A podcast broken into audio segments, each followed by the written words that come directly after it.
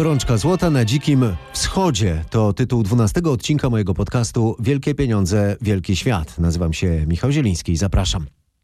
Idź złoto do złota, my Polacy bardziej się w żelazie kochamy i żelazem bronić się będziemy. To cytat sprzed prawie tysiąca lat. Dziś złoto też ma być naszą obroną przed, jak uważa wielu, bardzo prawdopodobnym upadkiem drukowanego na potęgę w komputerach pieniądza. I nie daj Boże przed tym, co w imię żelaznej logiki historii może nastąpić potem. Gorączka złota na Dzikim Wschodzie. Posłuchaj, by wiedzieć więcej o tym, co nas może czekać, a o czym niewiele słychać w codziennym zgiełku wydarzeń.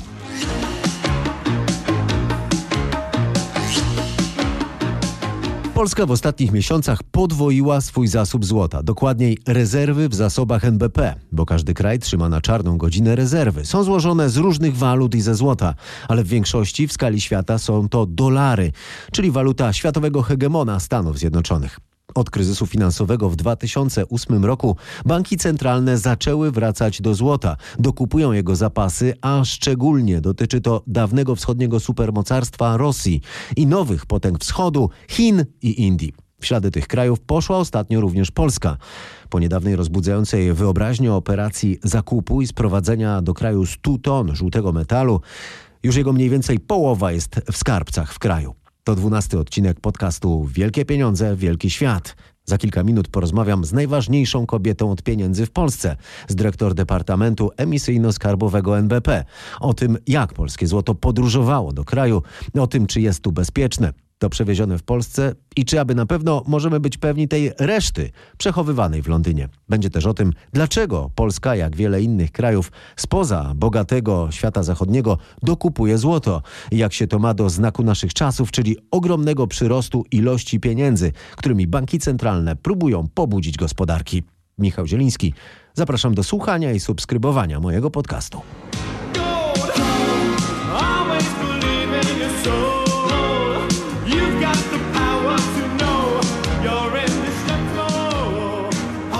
Indestructible, niezniszczalne i trwałe. I dwa razy cięższe od wspomnianego żelaza. No i jak głosi powiedzenie, rdza się go nie ima. A nawet bakterie jest samo dezynfekujące. Dlatego robiło, robi się z niego sztuczne zęby. Dziś potrzebne jest też w przemyśle, w tym w nanotechnologii. Wartość złota wynika jednak w głównej mierze z rzadkości. Niełatwo go wydobyć, jest go na świecie niewiele. Od początku historii wydarto go ziemi mniej niż 200 tysięcy ton. Jak się obecnie uważa, nie ma go wiele więcej. Co roku produkcja to 3000 ton, najwięcej wytwarzają, a jakże Chiny, poza tym Rosja, Australia, Kanada, Stany Zjednoczone, Południowa Afryka i Peru. W podcaście Wielkie Pieniądze, Wielki Świat za chwilę o polskim złocie, bo nasz kraj ma go od niedawna dwa razy więcej niż wcześniej. Ale najpierw o wielkim świecie i o znaczeniu złota w przeszłości i dziś.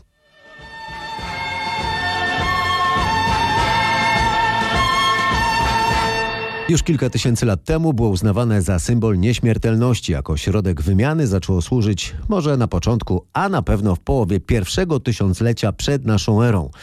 Przez właściwie nie wieki, ale tysiąclecia złoto było faktycznym głównym nośnikiem wartości. Pieniądze były tylko dla wygody, kwitami, które można było wymienić na złoto. Z czasem ta wymienialność stała się tylko umowna. Od 50 lat przestała istnieć sformalizowana możliwość wymiany pieniędzy na złoto.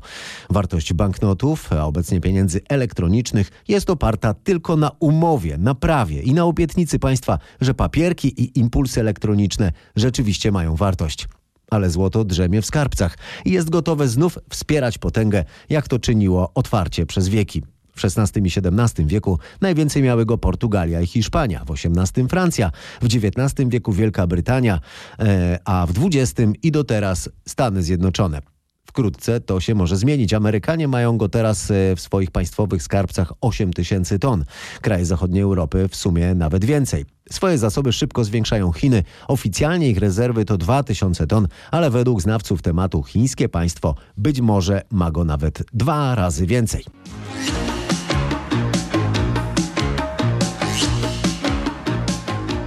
Amerykanie gromadzili swoje złoto, gdy kraje europejskie płaciły nim za uzbrojenie podczas wojen światowych. Po wojnach to poparty złotem dolar zaczął odgrywać rolę światowego pieniądza.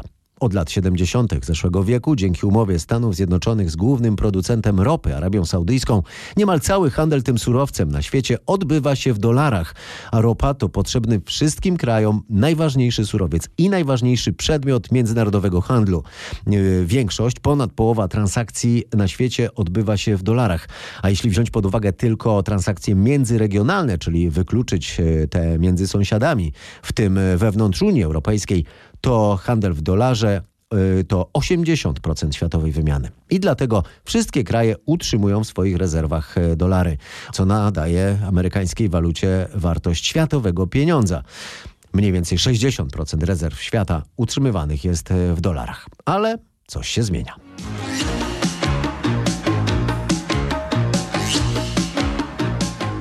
Po pierwsze, to błyskawicznie rozwijające się Chiny stały się największym importerem ropy. Ameryka ma coraz więcej e, swojej ropy, a Chińczycy namawiają dostawców, by sprzedawali im ten surowiec za juany. Razem z Rosją, Iranem, Wenezuelą i innymi krajami próbują też rozliczać się w handlu międzynarodowym bez dolarów. Łamią monopol dolara w światowym handlu.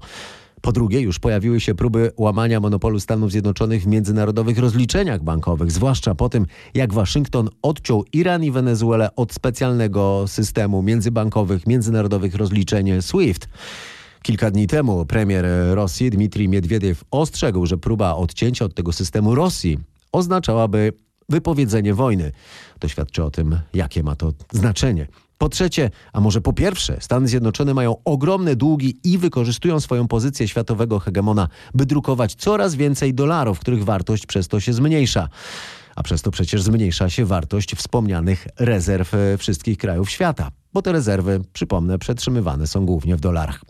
Czy znaczenie złota jako niezawodnego, trwałego, pewnego nośnika wartości odchodzi zatem do historii? No wszystko wskazuje, że nie. Wciąż przede wszystkim ze złota wytwarza się również biżuterię. I pewnie was zaskoczę, połowa złota na świecie to biżuteria, bo taka powinna być w każdym szanującym się domu w Chinach i w Indiach. Poza tym złoto kupuje się w sztabkach i monetach jako inwestycje indywidualne i firmowe, żeby zarobić, a przede wszystkim, żeby zabezpieczyć majątek. Jak już mówiłem od czasu kryzysu finansowego sprzed y, ponad 10 lat, y, banki centralne, zwłaszcza na wschodzie, zaczęły znów kupować złoto. W 2018 roku kupiły go 600 ton. W tym roku kupią go jeszcze więcej. W tym czasie Polska kupiła 100 ton złota, należąc do kilku największych ostatnio na świecie nabywców złotych sztabek.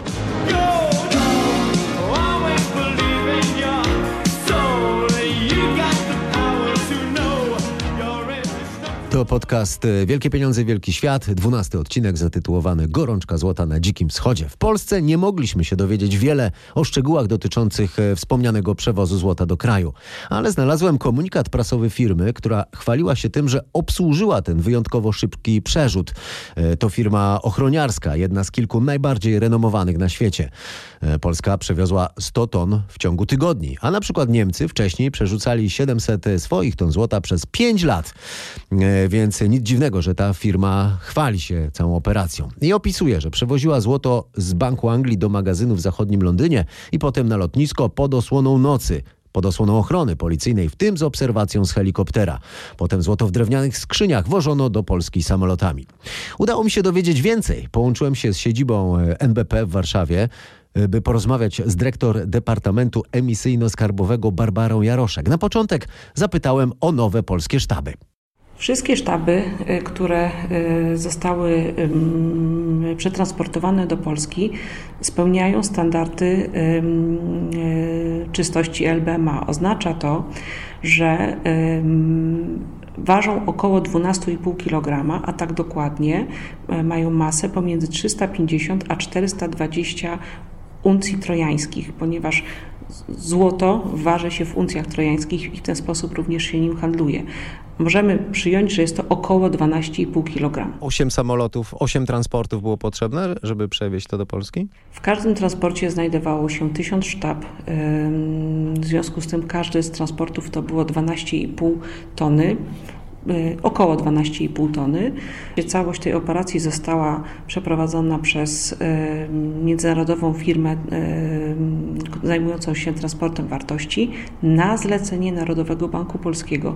Została ona wybrana w procedurze postępowania o udzielenie zamówienia Narodowego Banku Polskiego spośród trzech z firm, które w ogóle zajmują się, mogą się zajmować takim transportem, ponieważ mają, mają prawo operowania i pobierania złota z Bank of England. I rzecz jasna, te transporty były ubezpieczone.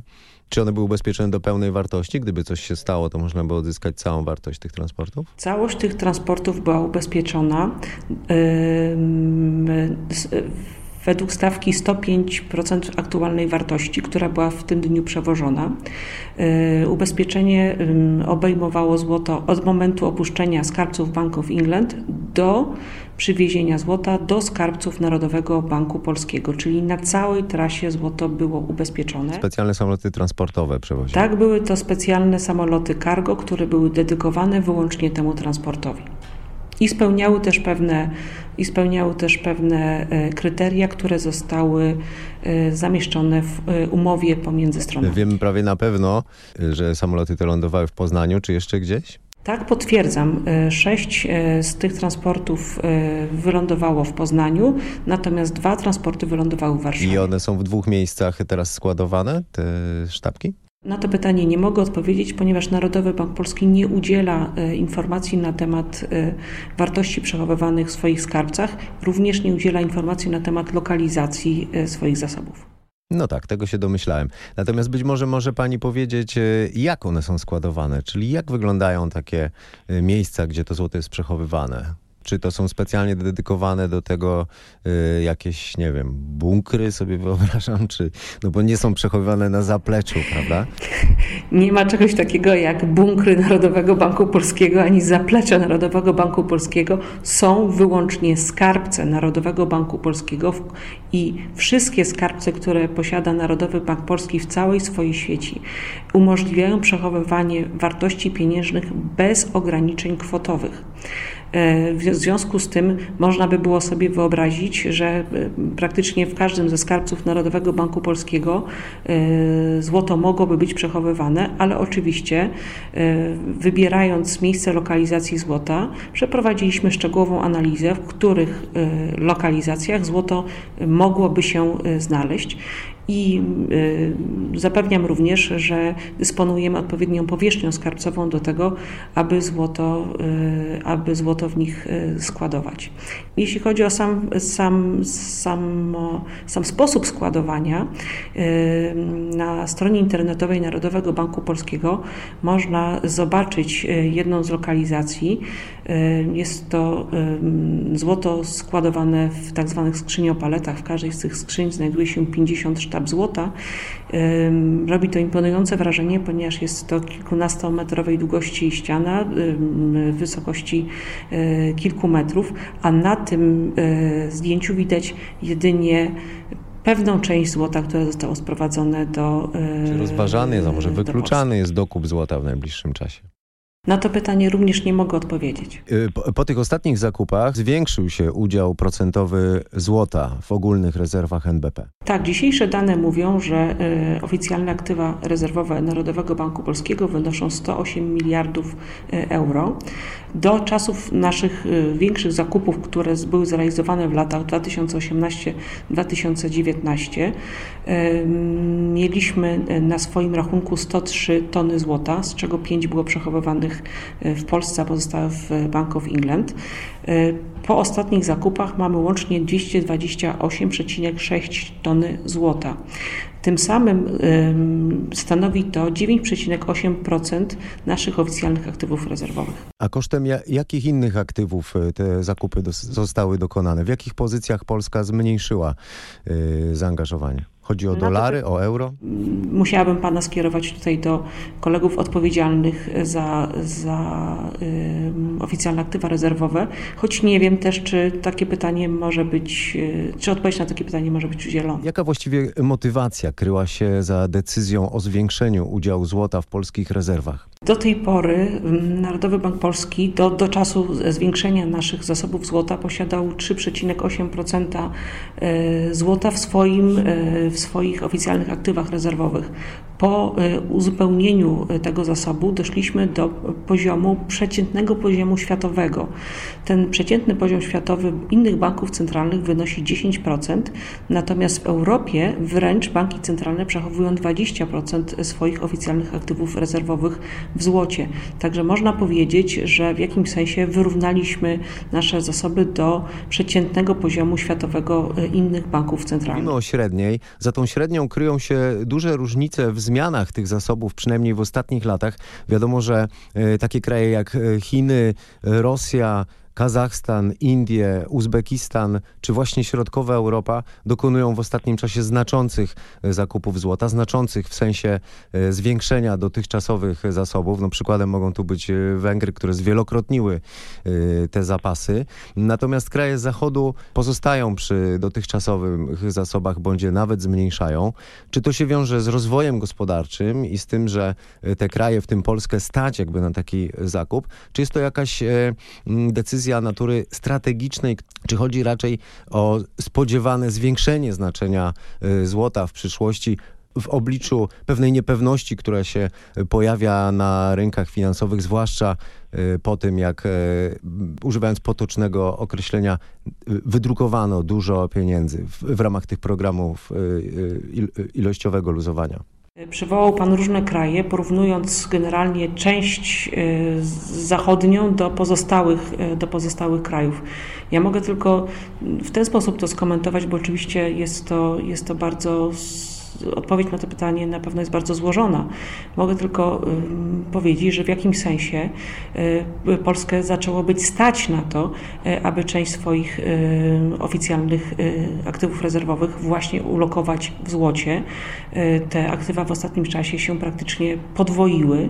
Natomiast historycznie mogło być tak, że mm, inne kraje, w tym kraje Zachodu, y, wcześniej miały taką możliwość, żeby takie, y, taką ilość złota y, nabyć. Ale oczywiście chciałabym bardzo mocno podkreślić, że decyzje o tym, czy złoto się kupuje i ile tego złota się kupuje, są to indywidualne decyzje każdego banku centralnego. Możemy też być pewni, że nie każdy z tych mechanizmów i nie każda z tych decyzji będzie mm, omawiana na rynkach światowych. Chciałem zapytać o, o powody y, y, tej właściwie nie repatriacji, ale prze, przewiezienia części tych no, zasobów, właściwie nowych zasobów złota y, do Polski. Mm, co się z kolei kryje za tą decyzją? No bo jak rozumiem, na tym złocie, które jest deponowane w Polsce, nie można zarobić tak jak na tym w Londynie. Po uzupełnieniu naszego zasobu złota do 228,6 tony złota mieliśmy taką sytuację, że tylko niecałe 5 ton było składowane w Polsce, natomiast pozostałe były składowane, całe pozostałe złoto było składowane w Bank of England. Kierując się zasadą dywersyfikacji miejsc przechowywania złota, Zarząd Narodowego Banku Polskiego rozpatrzył różne możliwości, w których miejscach złoto może być, ta, ta zwiększona zasób złota może być przechowywany e, i po dokonanej analizie zdecydował, że część tego złota, dokładnie 100 ton, zostanie przewieziona do skarbców Narodowego Banku Polskiego. Rzeczywiście jest to tak, że złoto, które będzie składowane w skarbcach Narodowego Banku Polskiego obecnie nie będzie inwestowane. Choć oczywiście, skoro umieliśmy je przywieźć, to jeśli będzie taka konieczność, będziemy umieli je również wywieźć, jeśli będziemy chcieli je na, e, na rynkach inwestować. To nie jest wbrew pozorom rzecz, która na, na zawsze e, w jakimś sensie zablokowała nam możliwości inwestowania. Pamiętajmy jednak o tym, o czym mówiłam na początku, że banki centralne nie po to e, posiadają złoto w swoich zasobach, aby je takich codziennych transakcjach, e, czy, czy krótko, czy nawet średnioterminowych transakcjach lokować, tylko po to, żeby je posiadać. Złoto dlatego banki centralne sięgają po złoto, że jest ono rzeczywiście przechowywane na, na taki moment, w którym dochodzi do jakiejś e, braku stabilności geopolitycznej, e, braku stabilności finansowej, jest taką ostateczną rezerwą.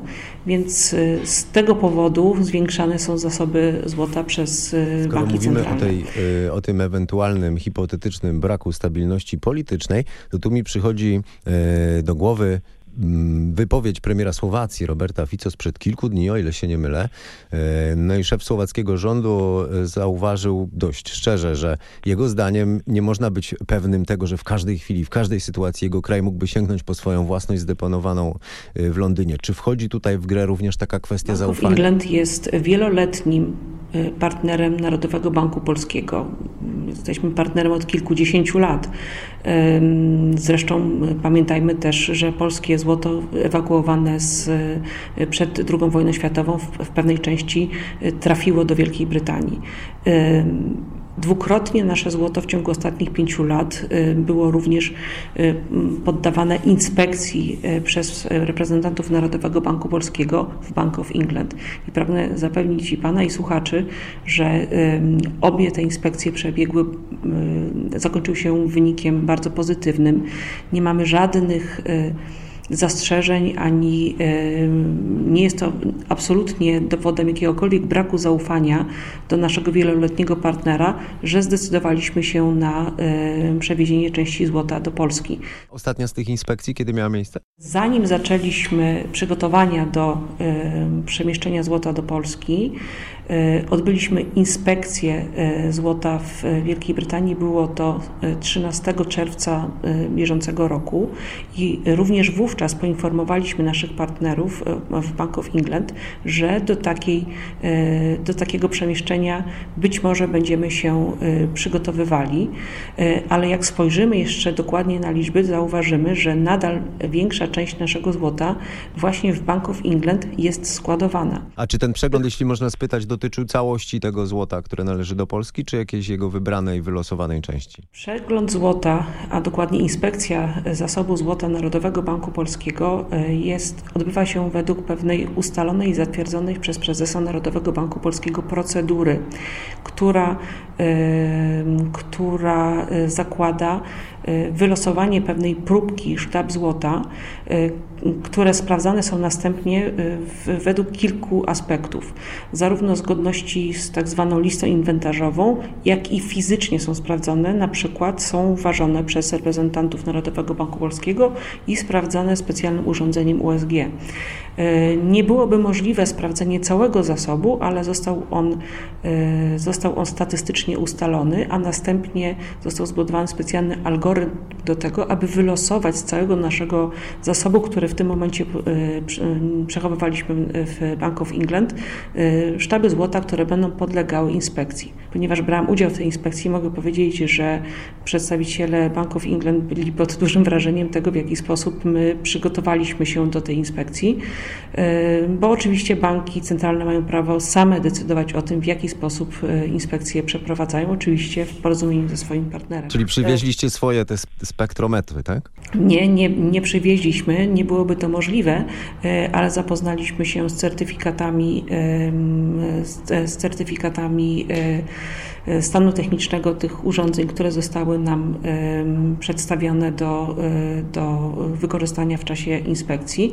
A nawet zanim pojechaliśmy, e, odświeżyliśmy swoją wiedzę, w jaki sposób tymi spektrometrami się posługiwać na Politechnice Warszawskiej. A jeszcze ostatnie pytanie, jak chodzi o tę inspekcję, to jaką część tego złota przejrzeliśmy tak? Przejrzeliście tak? Przejrzeliśmy próbkę statystyczną 2% y, złota, które w tym dniu y, było składowane w Bank of England, bo przypomnę, że część złota wówczas mogła być, mogła być lokowana, czyli znajdować się poza skarbcami, poza skarbcami Bank of England. Dyrektor Departamentu Emisyjno-Skarbowego Narodowego Banku Polski Barbara Jaroszek dodaje, że to nie jest złoto wywiezione z Polski na początku wojny. Tam to zostało wydane. Ale zwraca uwagę, że umowę o przywozie złota do Polski NBP podpisał w 80. rocznicę ewakuacji złota. Teraz NBP planuje wydać z tej okazji przed świętami monetę kolekcjonerską. Rzecz jasna ze złota. Panią dyrektor pytałem też, czy prywatnie radzi inwestować w złoto. Na to pytanie, jako przedstawiciel Banku Centralnego, rzecz jasna nie chciała odpowiedzieć. Ale wiadomo, że od wielu, wielu wieków złoto jest doskonałym środkiem tezauryzacji. To słowo pochodzi od greckiego słowa tezauros, czyli skarbiec. I zapewne tak zostanie. Zwłaszcza, że jak się ocenia, do wydobycia z użyciem dzisiejszych y, środków jest już tylko kilkadziesiąt tysięcy ton. No chyba, że za długie lata pojawi się nowa technologia, która sprawi, że będzie można znacznie taniej sięgnąć po złoto spod dna oceanów. Albo za pewnie jeszcze dłuższe lata ludzie nauczą się sprowadzać złoto z meteorytów. To podobno one przyniosły ten metal na Ziemię. Ewentualnie zbudują akceleratory, które znacznie taniej niż te dzisiejsze w laboratoriach przemienią rtęć w złoto. I wtedy złoto może spowszednieć. To wszystko w dzisiejszym e, odcinku podcastu Wielkie Pieniądze, Wielki Świat. Zachęcam do słuchania. Na razie koniec, bo mowa jest srebrem, a milczenie złotem.